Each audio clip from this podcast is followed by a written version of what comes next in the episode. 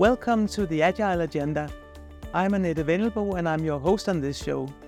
Today I have the great pleasure of introducing you to the last episode of this very special three episode mini series with a very special guest, namely the pioneer of the Kanban method, David Anderson. I'm extremely honored and grateful that David has taken the time out of his busy schedule to share some of his insights into the current state of Kanban with us. I guess that nobody on the planet would be in a better position to do just that.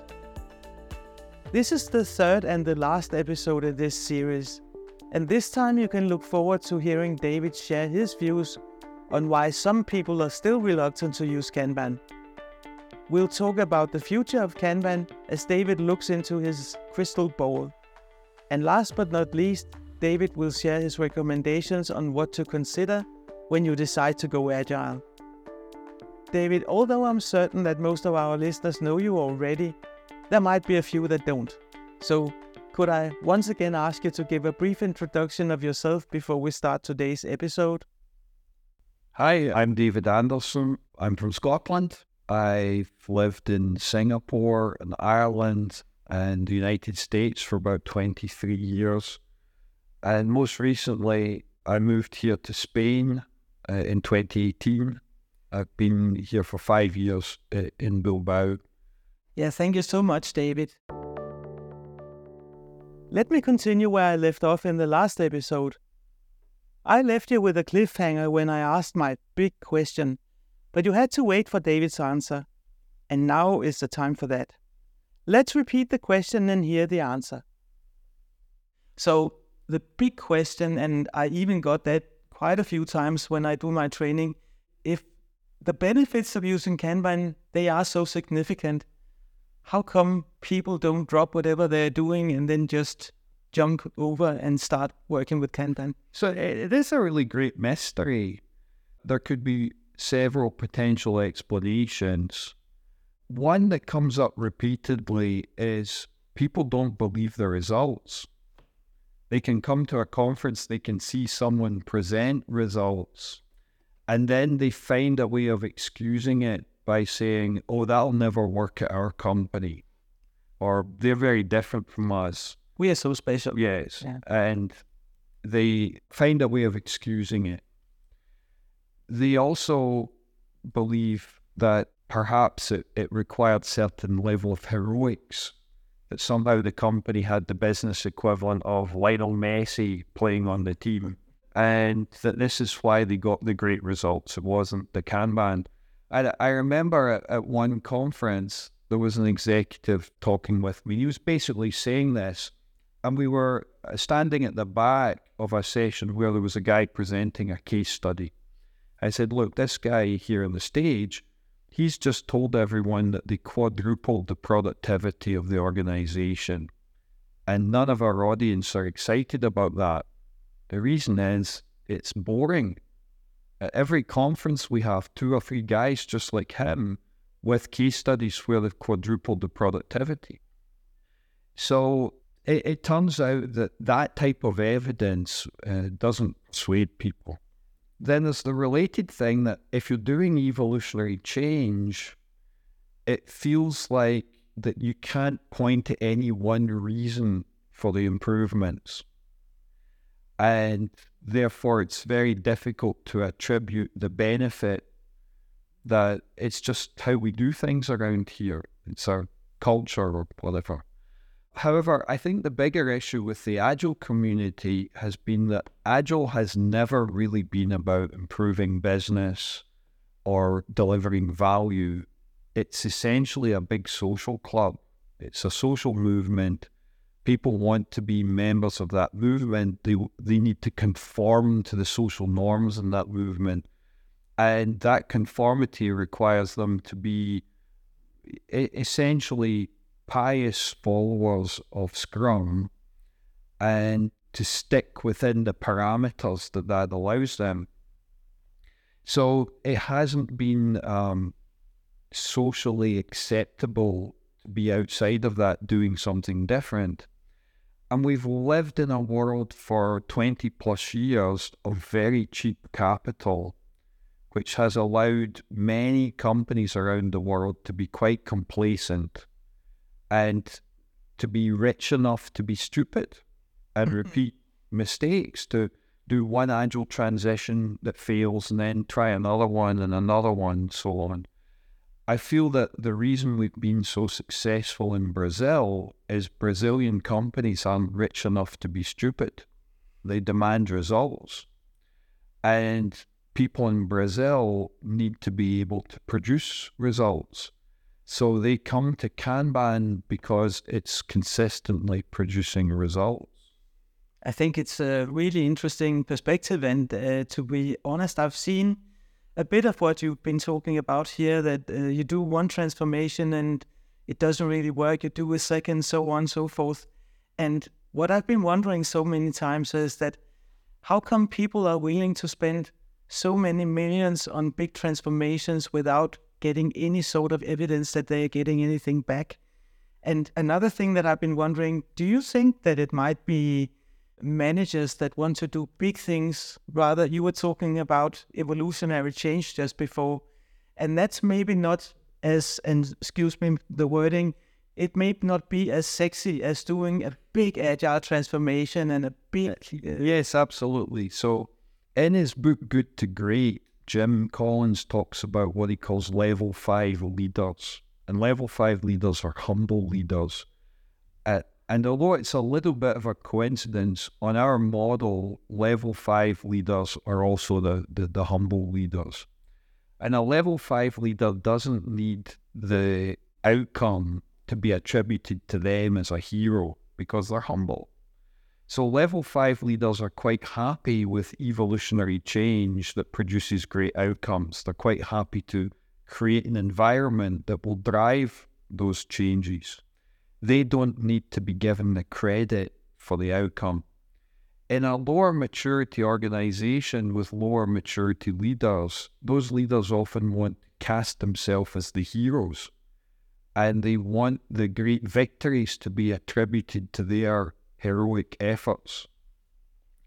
So I think it's natural that lower maturity organizations, the the leadership want to make grand gestures and to be seen to be the ones who implemented or, or drove those big initiatives, these grand gestures, so that the victory can be attributed to them. And fundamentally, why uh, do we have the, the problems? Well, why spend so much money on an agile transition initiative and then no one seems to bother whether it produced any results. Fundamentally, that's a lack of accountability. And a, lack of accountability is an attribute of low maturity organizations. Now, since I started talking about this more publicly over the last five years, the first thing sitting in this office here in Bilbao, some of my staff said to me, David, how do you translate accountability? Because in Spanish, we would just say it's the responsible person. So there isn't a difference in Spanish between responsibility and accountability. Mm. And it turns out that that's also true in Portuguese, in German, in Russian, and we believe in most major languages in the world. There isn't a word for accountability. So the way we translate it for the Spanish and the Portuguese, which that's big markets for us, the Latino market, also here in Spain, all Spanish speaking, and the Portuguese Brazilian market.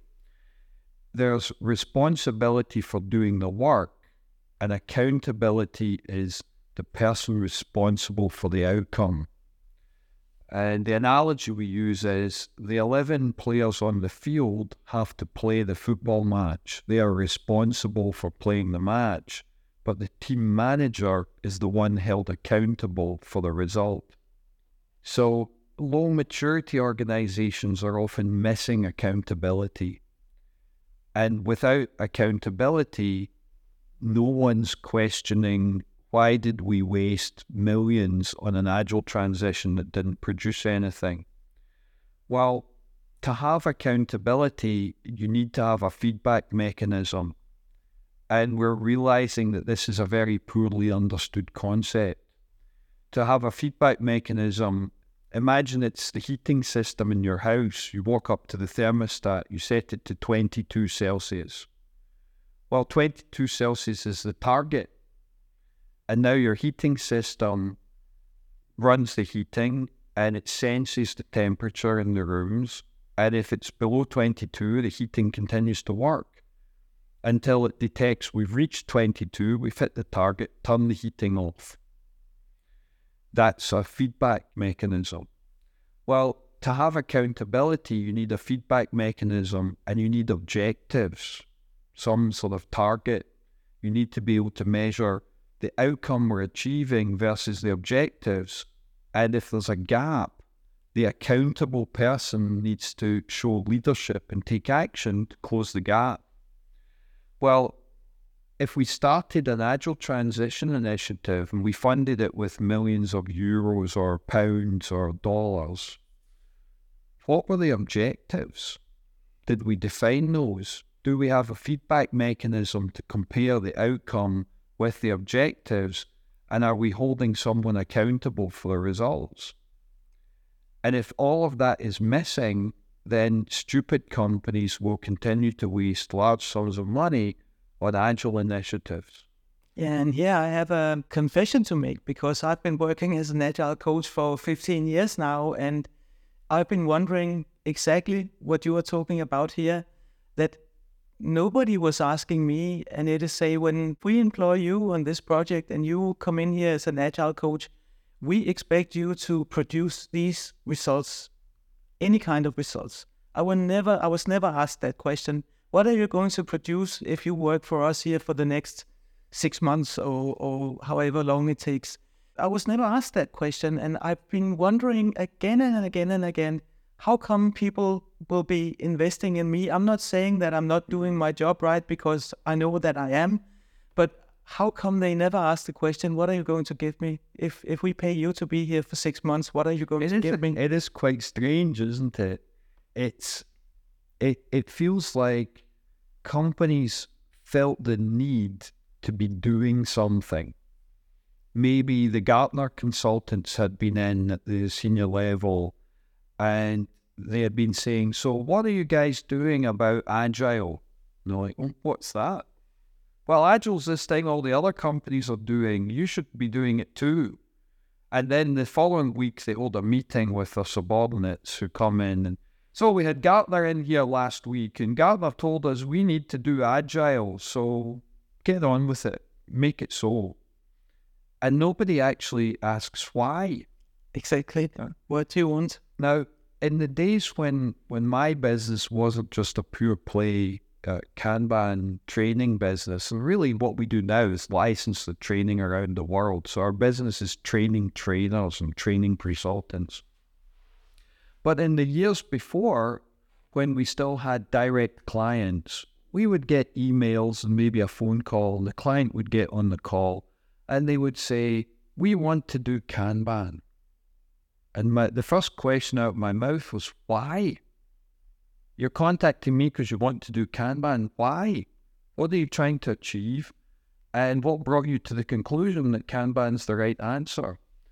And if I can get them focused back on the outcome they want, what they want to achieve, then I can get them to understand let's start where you are now and put in place mechanisms so your business can evolve and mature in a way that will deliver those outcomes. But bear in mind that we're going to be measuring progress towards the outcome. Now, of course, will Kanban be a significant part of that? Yes, of course it will. But it shouldn't be about we want to do Kanban. It has to be about that we want to achieve a certain outcome. There has to be a purpose. There has to be a reason why. And that's the, the place to start. And perhaps now that we're in a new economy where capital isn't cheap, and my guess is we're in this world for the next 20 years or so, at least, that that's focusing minds, that senior executives are looking for if I spend this money, this money I've had to borrow from someone that I'm paying interest on, if I spend this money, what am I going to get for it? Yeah, they're going to be interested in the outcomes more than we have seen for the past 10, 20 years. I think quite possibly, yes. Yeah. Well, you know, my Kanban heart is beating hard, so I'm really hoping that that's going to be the case because I really love working with Kanban and I hope that's going to be for the next many years. You have recently released a new version of your famous blue book. Can you tell us a bit about the new book? Yeah, it started out with the intent to write a second edition, and then I realized that I, and as a community, we've learned so much that I couldn't do it justice in a single book. So the idea is to have a series of books that we've called the Better with Kanban series. And the first of those is available now. And someone who's read the original Kanban book from 2010, they will recognize some of the case studies, they'll recognize some of the references, but it's it's much deeper than it was, uh, deeper in terms of the storytelling, but also deeper in terms of the insights. And one of the key insights that you'll find in the book that wasn't in the previous one is Kanban coaching and leadership is about trying to achieve an outcome in an indirect or oblique manner.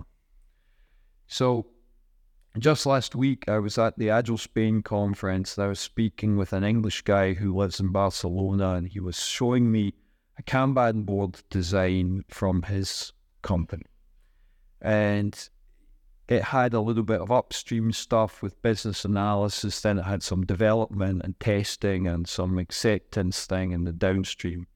But the the development part of it was just one column that said in progress. And he said, you know, I've been trying to get people to recognize that we should have a done so that when something's finished, we can put it in the done. And I said, yes, of course. Then it has a signal to pull it into the test. And without that, you don't have the pull signal. He said, Yeah, but every time I try to persuade people, I get shot down. I said, Well, the problem is you're hitting it head on. You know that you need this as a way of driving improvement. No one else is bought in. They need to discover it for themselves. You need to set up the circumstances so that they come to the conclusion we don't have enough information here we need to be able to signal when something is complete and is pullable. And that will lead to an evolution in the board design, maybe with the done call. So he said, Well, how would you do that? And I said, Well, our basic formula for evolutionary change is there must be a stressor in the environment. Without some stress, there's no motivation. There needs to be a feedback mechanism and there needs to be an act of leadership. These are the three elements in the formula. So, what's your stressor? Well, perhaps it's a service level agreement. It's a lead time for how long things should take. And your feedback mechanism might be a service delivery review where you compare lead times, actual lead times with customer expectations and how well you're meeting them. And if you're not, people will start asking questions why not? And that will prompt them to start looking at this in progress column, we don't have enough visibility in there. Is it really in progress or is it blocked? Why is it taking too long? Is it finished? Why didn't we pull it into test? Oh, we need more visibility. We should have a done column there so we can see things that are finished and then measure how long they're queuing for testing. Maybe test is a bottleneck. And then someone says, Yeah, that's a really good idea. Put the done column on the board and then, then we'll have more information. You get the outcome you want, but you did it in an oblique way. And that that I think is one of the key lessons that's in the new book that you wouldn't find in the old book. I also think it's the the, the first book was very well written and and people loved it and many people have praised the quality of the writing. But the new book is even better. Uh, it's it it's really um, a, a work of art that I'm very proud of. And I guess that since the first book, more than 10 years has passed, more than 10 years of extra experience. And yeah, it was very daunting to do a new version because when you have a best selling book, a book that sold 100,000 copies, um, and it's really iconic, people refer to it as the Blue Book. To replace that with something else, the bar is very high.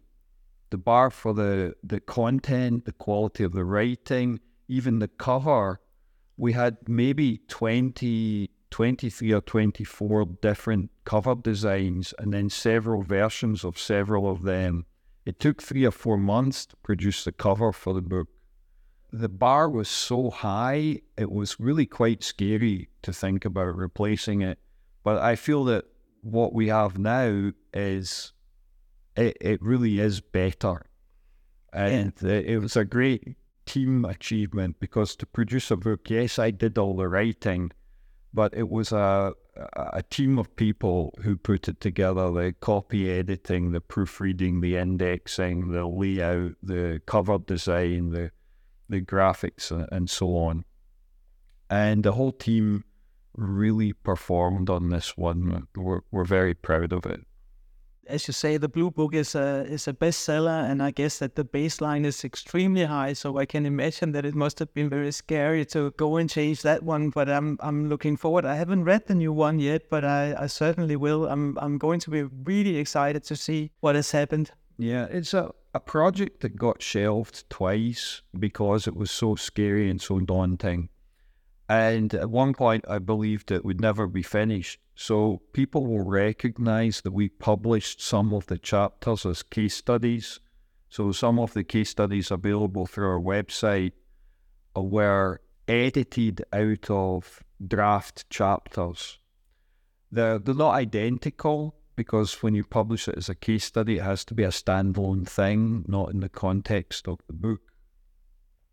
But some of the material got published in smaller versions because the the the project took many years. Most recently, I wrote seven chapters in the last twelve months, uh, but the previous, the first uh, nine chapters of the book had been written several years ago, and the project had been abandoned twice. And I guess um, towards the end of last year, I, I realized that I had to make the effort to finish it. I, I, I pulled up all the old files and reread it, and I thought, you know, this material's so good, it would be a shame if it's never published. The Kanban Leadership Retreat in 2022, I ran a session where the question was, what do you as a community of Kanban coaches and trainers, what do you need from me and the number one request was a new book, an update to the blue book. And I thought, well, I tried that twice and it's really scary. But towards the end of the year, and my younger daughter was coming over for Christmas, and it was her birthday. She was turning 18 years old. And I thought, you know, this all started with with her it was my birthday actually on, on April 9th, 2005, and she was uh, three months old. And that's the day we went to the Imperial Palace Gardens in Tokyo. Uh, and I had the epiphany that they were using a Kanban system to manage the park.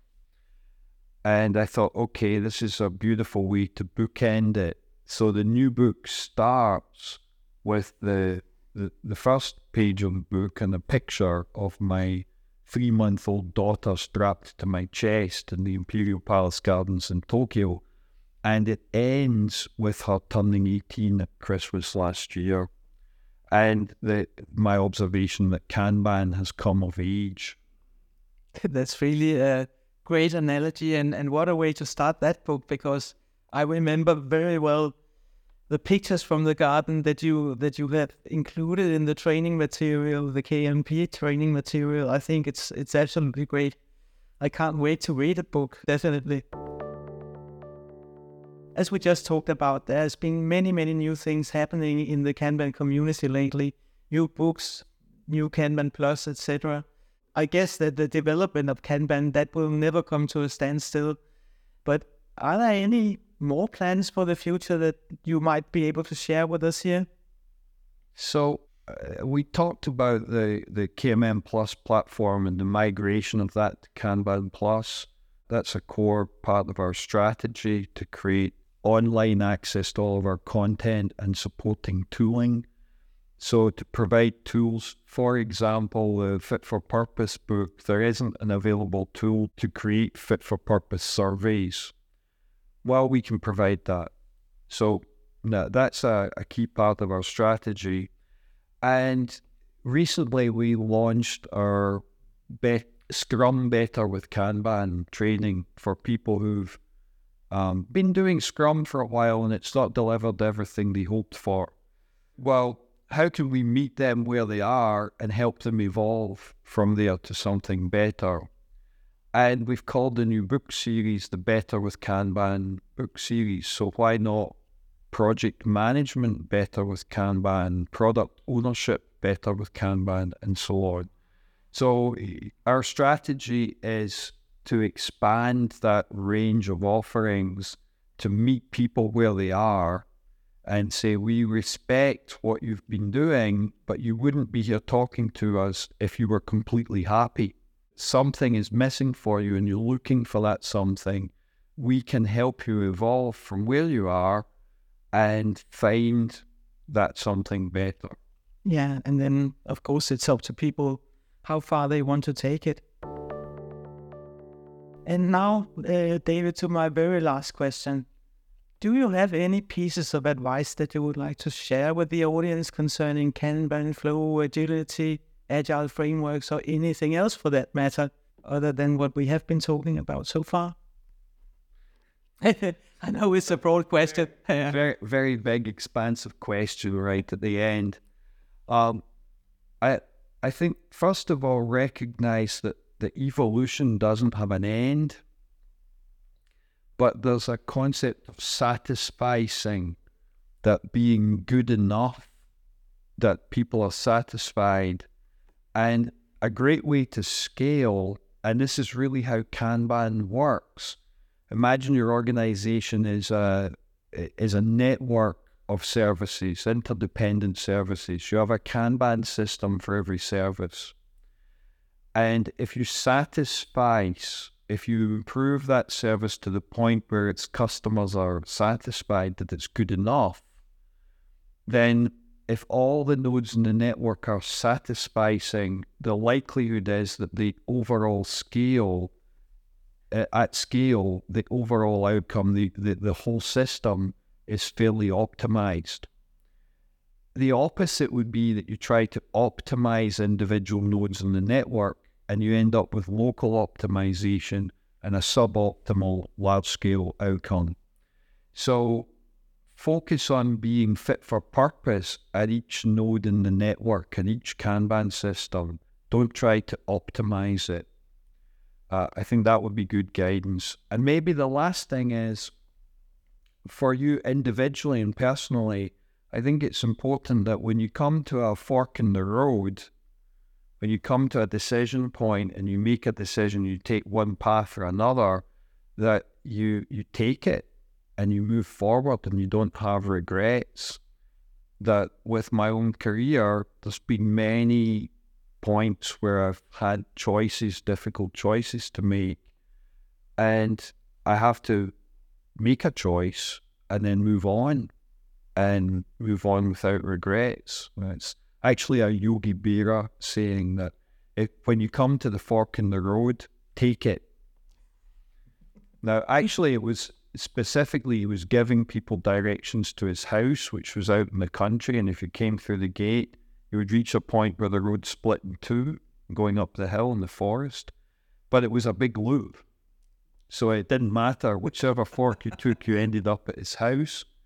But it then became this more general piece of advice when you reach a fork in the road, take it and, you know, go all in and don't have any regrets. And we've made a big difference in the world with Kanban this last 20 years, a big difference in lives and careers and company performance. And while personally I might have had many other choices, I don't regret it at all. And it's been a journey. Yeah. Right. But maybe even a bumpy journey. Well, absolutely. It's a, a roller coaster, but I don't have any regrets. So, yeah, you come to a fork in the road, take it. I'll remember that. I'll surely remember that. And uh, uh, as long as my fork in the road will lead to the Kanban community, I'm really happy. This concludes the third and last episode of this mini series with David Anderson. Thank you so much, David. It's been such an honor to have you as guest on my show, The Agile Agenda. I cannot thank you enough for taking the time to have this conversation with me and to share your valuable insights with the audience. Oh, my pleasure. Thanks for having me. Yeah, again, thank you very much, David. And also thank you to the audience for listening. This was a very special episode with a very special guest. And I wish you a warm welcome back next time. I'm Annette Vendelbo and I'm your host on The Agile Agenda.